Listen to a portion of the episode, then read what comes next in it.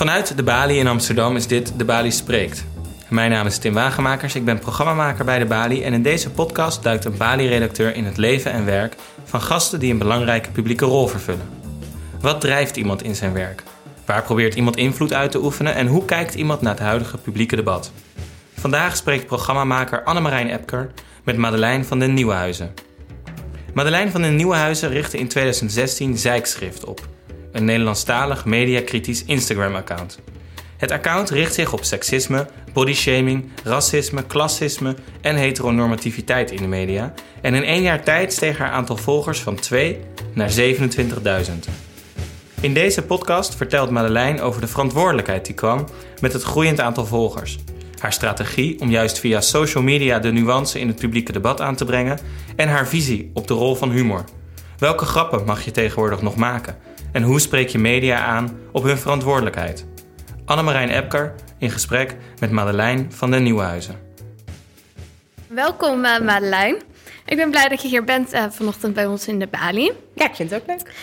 Um, jij uh, alias is Zijkschrift.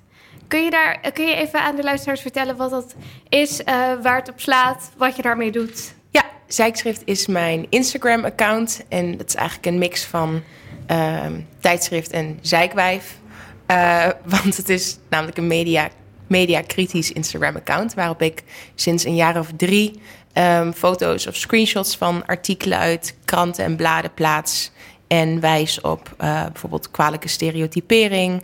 Um, stelselmatige afwezigheid van bepaalde groepen, algemene flaters. En die, uh, die highlight ik dan in die artikelen en daar schrijf ik dan captions bij. Dus stukjes tekst erbij over ja, wat, ik, wat, wat me daaraan opvalt. In wat voor uh, historisch perspectief bepaalde stereotypen vallen.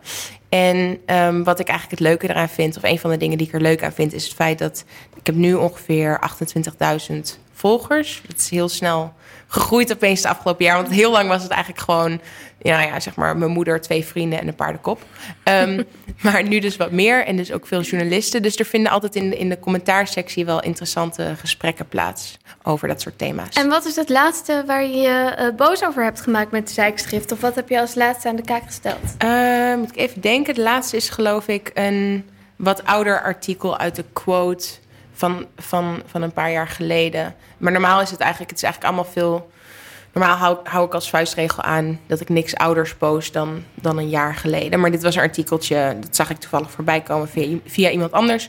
En daarin werd, werd gezegd, want dat ging over, over, over hoe je nou een goede makelaar kan vinden. En hoe je nou kunt onderhandelen voor het kopen van een huis. En er stond zoiets in van. Uh, uh, laat je vrouw, als je een huis gaat kopen, laat je vrouw, want natuurlijk is het een man die het huis koopt, laat je vrouw even thuis. Want anders ben je 5000 euro extra kwijt aan die schattige perenboom in de tuin. Um, dus okay. toen zei ik van, oké, okay, ten eerste, volgens mij kopen vrouwen ook huizen. En hou nou eens op met dat fucking saaie stereotype van, en kwalijke stereotype van de vrouw als zijnde niet zakelijk, slecht onderhandelaar, uh, et cetera. Maar goed, to be fair, quote vandaag de dag doet ook wel proactief dingetjes aan vrouwelijk ondernemerschap promoten en zo. Maar goed, dat soort dingen vind ik dus interessant. Mm -hmm. Al zijn het kleine knipogen of kleine grapjes die gemaakt worden. Het zegt wel iets op de manier waarop we over dat soort dingen nadenken in ja. de maatschappij. En wat waren de reacties die je daarop kreeg vanuit, uh, vanuit Quote of vanuit andere media? Oh, nou, Sander Schimmelpenning, de hoofdredacteur, die, um, die neigt al gauw naar alles wat bijvoorbeeld seksisme aan de kaak stelt of wat uh, ja, identite identiteitsgerelateerde zaken aan de kaak stelt. Uh, alsof, die, alsof je die per definitie kunt afdoen als links-Amerikaans millennial gezeik. Dat is dan het soort van. Is dit letterlijk dat, wat u zegt? Of? Ja, okay. ja, gejank. gejank. Ah. Okay. Uh, ja, en dan denk ik, en, en hij zegt dan van, uh, waarom pak je niet de echte conservatieve bol, mediabolwerken aan in Nederland, zoals de vrouwenbladen? Nou ja, ten eerste, Sander, kijk even op mijn account. Dat is zeg maar uh, 60% van wat ik doe. Um, maar ook waarom meteen in die politieke, waarom, waarom kunnen we het niet gewoon hebben over waarom iemand op jouw redactie of een freelancer dat dat grappige humor vindt. Mm -hmm. En het, het is, voor mij hoeft echt niet de fik in de quote... omdat er zo'n beetje fout grapje in staat. Daar gaat het me helemaal niet om. Het is helemaal niet een kwestie van zout, zout leggen op slakken... En, en, en willen dat die mensen aan de schandpaal genageld worden. Dus kunnen we alsjeblieft gewoon eens een gesprek voeren over de subtielere uitingsvormen van maatschappelijke ongelijkheden. Bijvoorbeeld hoe we kijken naar mannen en vrouwen. Maar goed, iemand als Schimmelpenning, die, die, ja, die schiet dan erg in het, in het defensieve. En, en, en doet, doet je dan vervolgens af als. als Millennial gezeik. Ja, terwijl, what does that even mean, weet je wel? Dan, dan maak je van mij net zo goed een, een karikatuur. Uh, hij zegt van ja, voor je het weet schelden jullie allemaal met racisme en seksisme. Ik zeg nou, ik heb, ik heb niemand racist en seksist genoemd uh, in dit geval. En sowieso doe ik dat eigenlijk nooit. Ik wil gewoon graag een gesprek hebben over in dit geval Ja. een gevoel voor humor. Ehm, dus reduceer mij niet tot je hersenspinsel van wat het is om links radicaal agressief te zijn. Maar ga eens dat gesprek gewoon aan. Durf die ballen eens te hebben. En wat ik heel erg grappig vind, is, ehm, is eigenlijk het medium dat je gebruikt om dit soort dingen ehm, bespreekbaar te maken. Want voor mij is social media heel vaak juist een plek waar de polarisatie eh, van het publieke debat alleen maar groter wordt. Ja. Waar mensen in 180 tekens eh, proberen om hun, eh, hun punt te maken. Meestal niet de, de, meest genuanceerde discussies levert dat op. Zeker, ja. Dus ik vind het heel grappig. Waarom kies jij juist wel voor de social media om eh, dit soort dingen aan te Nou, ik kaarten? kies dus heel bewust niet voor Twitter. Ik zit niet op Twitter. Dat zou, dat, weet je, elk, elk, elk mediaplatform, elk, elk social media platform komt met zijn eigen. ehm, ja, elk social media platform faciliteert een andere vorm van dialoog. Dus bijvoorbeeld Twitter is eigenlijk Ehm, de uitwerking van Twitter is eigenlijk inherent polariserend. Want het is kort, het is vaak anoniem, eh, het is snel, het is heigerig. Dingen, worden, dingen, dingen zakken gauw weer weg onder een nieuwe vloed aan tweets over katten of voetbal of wierduk. En, ehm, en Instagram werkt, functioneert gewoon anders als platform. Dus het is visueler, dus je kunt meer dingen laten zien. Dingen blijven staan. Eh, gesprekken kunnen plaatsvinden in de comment sections. Maar ik kan ook bijvoorbeeld selfies of memes of kattenfilmpjes posten in stories die na 24 uur verdwijnen. Om te laten zien van hé, hey, ik ben ook gewoon een mens dat echt niet de hele dag soort van zeikerig, kritisch, eh, eh, bitter in een, in een stoel in een hoekje zit. Ja. Maar ik ben gewoon van vlees. Dus ik krijg bijvoorbeeld echt heel, ja, knock on wood, maar ik krijg heel weinig haat over me heen. Ja, want dat, daar, daar ben ik namelijk wel benieuwd naar. Van, ehm, eh, ten eerste is het interessant om te horen waarom dan juist Instagram. Want kun je nou echt diepgaandere discussies voeren in de comment section? Heb je dan niet nog steeds dat mensen zich anoniem wanen en... ehm, Veel eh, minder anoniem dan op Twitter. En sowieso, mm, eh, kijk, Instagram is grotendeels alsnog gewoon fo- fotoalbums van katten en mode-selfies en eh, lifestyle bullshit. Wat allemaal leuk is en wat ik ook allemaal kijk. En avocado toast en zo. Nu al iets minder, maar goed. Ehm, maar maar je, kunt, je kunt het ook anders gebruiken. Dus ehm, die captions die kunnen best lang zijn. Mensen lezen die veel. Dus mensen, mensen raken ook een beetje gewend aan je account. Dus ze weten dat als, als ik iets post, dan ik heb het er wel eens met mensen over. Van die, dan lezen ze ook wat er staat. En die, ja, waarom zijn die discussies inhoudelijk? Ik denk voor een deel omdat ik niet zozeer conclusies presenteer of mijn mening presenteer, maar ook gewoon vragen opwerp. Dus bijvoorbeeld even concreet, als ik het heb over. ehm, over diversiteit, als over kleurdiversiteit, culturele achtergrond en kleurdiversiteit in, in bladen. Dan is een van de vragen die ik vaak stel van... oké, je kunt concluderen dat als de Margriet eh 136 witte mensen afbeeldt... en twee personen van kleur, waarvan één op een eh, eh, advertentie voor Aladdin the Musical... dan kunnen we het allemaal eens zijn dat dat een beetje curieus is. Maar wat bedoelen we eigenlijk met diversiteit? Dus in Nederland is bijvoorbeeld 11% van de bevolking eh, een, van een, migratieachter, een niet-westerse migratieachtergrond. Dus mensen van kleur. Dus niet Duitsers of Polen, maar. ehm, dus 11%. Willen we, is voor ons diversiteit dat eh, in representatie, dat dan dus ook 11% minimaal van de bladen eh, mensen van kleur afbeeldt? Is dat hoe we, hoe we het, de maatstaf die willen? Ik ga er niet met een liniaal naast liggen en kijken van is het wel 11%? Ehm, maar wel zie je de hele tijd weer bij, weet ik veel. Ik wacht nog op de dag bij de Wereld Draait Door dat er meer donkere dan witte mensen aan tafel zitten. zonder dat het over een jazz special hoeft te gaan. weet je, dus, dus... Maar, maar vind je dan ook dat, um, uh, want je zegt van nee, ik stel alleen de vraag. Maar eigenlijk. Nee, ik stel, niet, ik stel niet alleen een vraag. Okay, maar, yeah. maar ik vind, ik vind dat je ook dat ik voel ook een verantwoordelijkheid om te zeggen. Want het is helemaal niet alsof ik weet hoe het moet. Ik bedoel, ik, ik, ik voel een verantwoordelijkheid om niet alleen mijn duit in het zakje te doen, maar ook om het een beetje open te breken van dit is waarom dit best hele moeilijke vragen zijn. Ja, ja dus je probeert dat ook te duiden.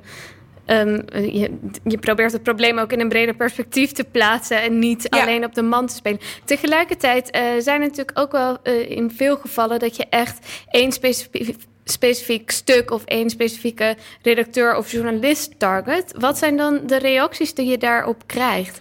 Um, um, nou, eigenlijk, meestal knip ik eigenlijk de journalist eraf in het screenshot. Dus ik heb wel eens een enkele keer uh, dat ik het echt over de individuele journalist in kwestie heb, omdat het bijvoorbeeld een terugkerend iets is. Dus Cecile Narings van de Volkskrant, modejournalisten, die heb ik geloof ik twee of drie keer een beetje een ja, god, veeg uit de pan klinkt agressiever dan het is. Maar gewoon gezegd van, jammer dat het, dat het weer zo moet. Zij heeft daar dan ook op gereageerd en gezegd... goed punt, ik ben het eigenlijk wel met je eens. Ik zal erop letten of zo. Uh, mensen mogen het overigens ook uiteraard helemaal met me oneens zijn. Dat, daar gaat het helemaal niet om. Maar um, dat is een voorbeeld van iemand met wie ik dan gewoon ja. interactie Die eigenlijk bijna zit te wachten op jouw advies... of jouw kritische vragen of... Ja, nou, wat ik dus gewoon zelf wel, wat voor mij een grote transitie is geweest, of een grote verandering, is dat met de groei van mijn account mijn eigen gevoel van verantwoordelijkheid ook vergroot is. Dus ik, ik heb ook het gevoel dat ik nu echt, als ik, als ik kritiek geef of feedback geef, um, I, I better got my facts straight. Ja.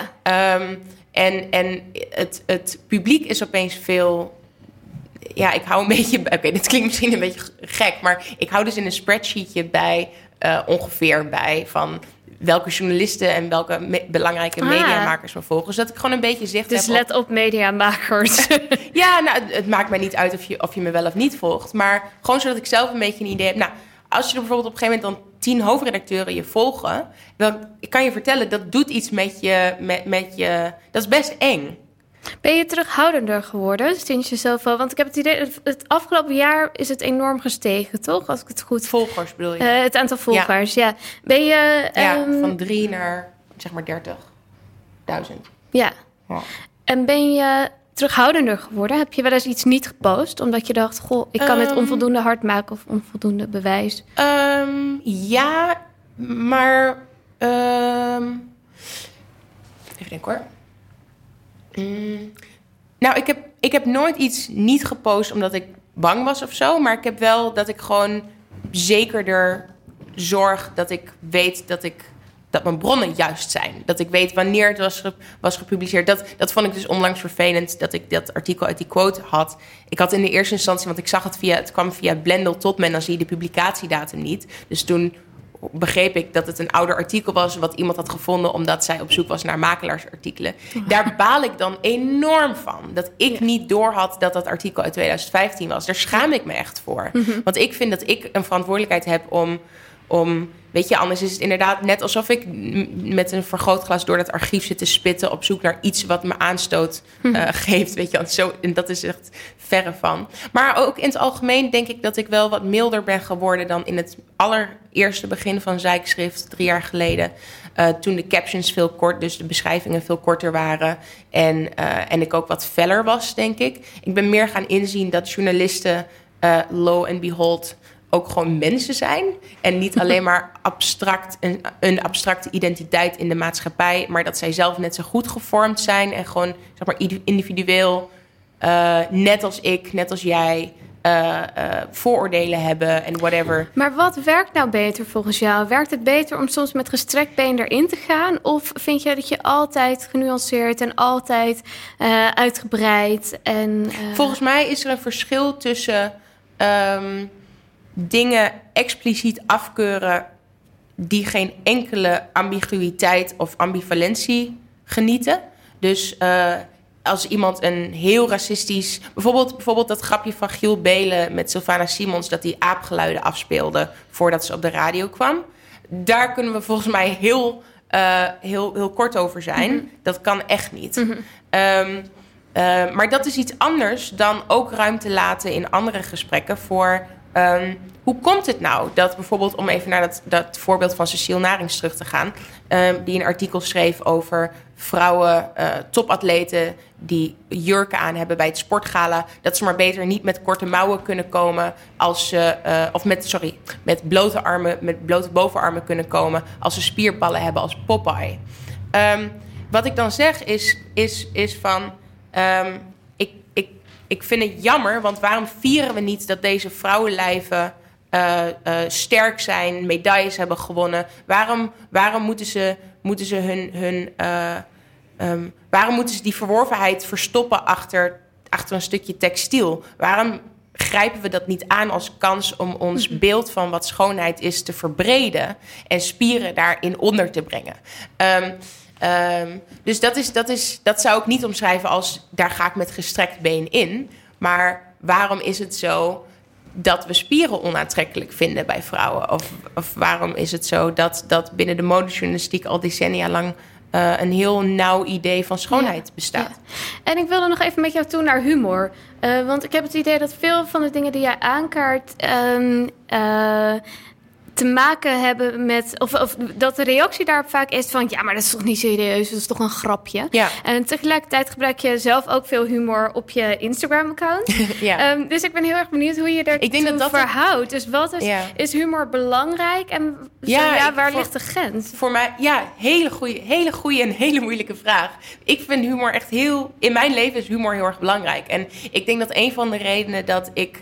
Um, ik weet niet, mijn theorie is een beetje dat een van de redenen dat ik heel weinig online haat krijg, is omdat de humor, dus ik post wel eens memes of grappige katfilmpjes of whatever. Of is dit een filmpje, filmpje? Ja, ja, ja of is dit een film, filmpje? um, dat, je, dat je gewoon een beetje laat zien dat je een mens bent en dat je, dat je humor hebt of, of whatever. Dat dat het wat, dan word je wat driedimensionaler, denk ik, voor mensen. Maar goed, de andere kant, humor, ik vind humor echt fascinerend, want. Um, Waarom, um, waarom zeggen we van sommige dingen dat het niet oké is om daar grapjes over te maken? Um, en ik bedoel, Joep van het Hek bijvoorbeeld is, is notoir daarin en zoekt telkens die, die grens ook, ook echt proactief op. En, en daar, daar speelt iemand als Hans Theeuwen deed dat, deed dat ook altijd enorm. Maar um, wat vind jij? Waar ligt de grens? Nou, ik kan je niet Mag zeggen. je overal over grap, grappen over maken? Nou, wat ik gewoon belangrijk vind, ik weet niet waar die grens... Ik, ik, volgens mij kun je niet spreken van, oh, kijk eens, hier ligt die. Mm-hmm. Maar wat je wel kunt doen, is nadenken over um, het gewicht... wat het, het, de connotatie die uh, bij verschillende soorten humor komt kijken. Dus even heel concreet, als jij... Um, een Aziatisch uh, uitziend persoon op een bankje hebt zitten... en daarnaast zit een wit uh, uh, Hollands uit een, een, een, wit, een wit persoon, een witte Nederlander. En je, en je refereert naar die Nederlander als kaaskop en naar die Aziat, laten we zeggen dat het een Chinees is, als spleetoog.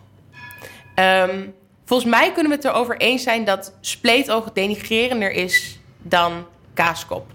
Um, of, uh, nou ja. Dus is het een probleem om daar grappen over te maken? Nou, dus, dus, dus laat het zien dat er. Um, want waarom is het zo dat het ene wel oké okay is of wel grappig is en het andere eigenlijk echt niet meer kan? Omdat er verschillende historische. Uh, uh, het, het, het, ze hebben verschillende geschiedenissen, verschillende. Um, Uh, je ziet dat ook met, uh, in, in Amerika heel erg met discussies rondom taal over African Americans en wie mag het N-woord gebruiken. Yeah. Uh, dat, dat, dat gaat daarover. Wie, wie mag taal gebruiken? Wie mag naar wie refereren? Yeah. Op welke manier?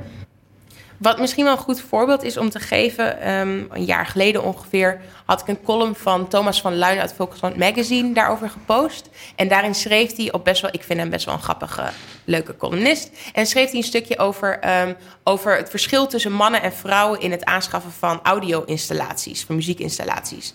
En hij zei, nou, mannen die, uh, die kopen een temperatuurgekoelde kast met chroomknoppen en eh, het mooiste van het mooiste. En vrouwen gaan voor Bluetooth-boxjes waarop ze vanuit de keuken naar ABBA kunnen luisteren. Ehm, dat was een beetje de toon van de column. En zo ging het nog eventjes door. En vrouwen werden een beetje weggezet als a-technische, niet gecultiveerde uh, wezens. Um, en ik zei daar in de eerste instantie van uh, irritant dat vrouwen worden neergezet als a-technische, ongecultiveerde wezens. Uh, en nou, daar had ik een beetje een, een mini-rant over. En toen een paar dagen later uh, zei iemand... Um, kreeg ik een DM van een jongen die zei: Ja, maar hij, hij pakt toch ook mannen aan? Hij, hij zet mannen toch. Hij Net zo goed. Hij, hij, ja, hij ridiculiseert, stereotypeert die mannen toch ook. En toen zei ik: Ja, weet je wat? Eigenlijk heel goed punt. Toen heb ik er een tweede post over geschreven. Van dat ik daar misschien iets te zeer een blinde vlek voor had gehad. Oh, ja. En toen een paar maanden later las ik een artikel in de Groene Amsterdammer. En het ging over vrouwen in de beta-vakken en op, op technische universiteiten. En dat dat nog steeds heel erg een, ja, een, een, een groot, groot... dat die vrouwen uiteindelijk niet echt doorstromen naar die banen. Ook al zijn ze ontzettend gewoon even competent er, erin. En dat het heel erg te maken heeft met dat het een hele mannelijke wereld is... waar ze zich vaak niet welkom in voelen. Ja, dus je probeert eigenlijk aan te kaarten van... jongens, dit soort kleine voorbeelden... die ja. zogenaamd zeg maar, onschuldig en humoristisch lijken... Ja, want... leiden eigenlijk tot bepaalde patronen die, uh, die, die, we willen veranderen in de ja, toen dacht ik las dat artikel in De Groene en ik dacht... en dit is waarom het gewoon simpelweg een ander gewicht heeft... dan zo'n stereotyperend grapje over mannen gewoon, dat zijn gewoon twee verschillende dingen. Mhm. En daar moeten we over nadenken. Mm -hmm. We, we zijn uh, aan het einde aanbeland, helaas. De tijd vliegt. Um, je bent nu een paar dagen in Nederland, maar je uh, werkt eigenlijk in New York. Ja.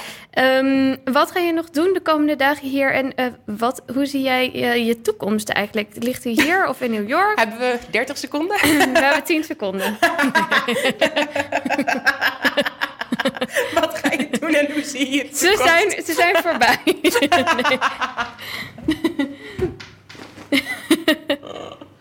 Moet ik even in, in zeg maar, een half we beginnen, we, we beginnen bij de eerste vraag. Uh, wat ga je de komende dagen nog doen hier? Um, nou, ik was in Nederland omdat ik gisteren de mediareden, dus de opening speech heb gegeven voor de Nederlandse Mediaweek. Uh, en daar heb ik gepraat over waar hebben we het over als we het hebben over inclusiviteit. Dus dat was de aanleiding. En woensdag ga ik weer terug naar New York. Daar doe ik een, uh, ben ik aan het promoveren sinds vorige maand bij de City University of New York op het gebied van politieke uh, geschiedenis en constitutionele rechtsgeschiedenis. Dus dat is eigenlijk echt iets heel anders dan wat ik op mijn Instagram doe. Um, Goed om nog even erbij te vermelden: dit is inderdaad niet je werk, maar doe je er gewoon even naast. Ja, ja dit doe ik er gewoon naast. En uh, ja, mijn toekomst, my god. Nou, de komende vijf jaar ben ik dus in New York. Dat is heel helder. Dat is, dat is heel helder. Helderder krijg je het bijna niet. Um, maar ja, ik, ik zou graag... Uh, uh, weet je, ik weet niet hoe Zijkschrift zich gaat ontwikkelen. Het is iets wat ik niet eeuwig, eeuwig zal doen. Um, maar ik zou bijvoorbeeld graag wat meer verdiepend ook gaan schrijven. Oh ja. Uh, dus dat, dat soort dingen, daar denk ik een beetje over na. Dus los van de, de tijdschriften, misschien ook meer grotere media. Van de Volk naar de Volkskrant. Bijvoorbeeld? Ooit. Ja. Oké. Okay. Cool, dankjewel. Dankjewel, leuk.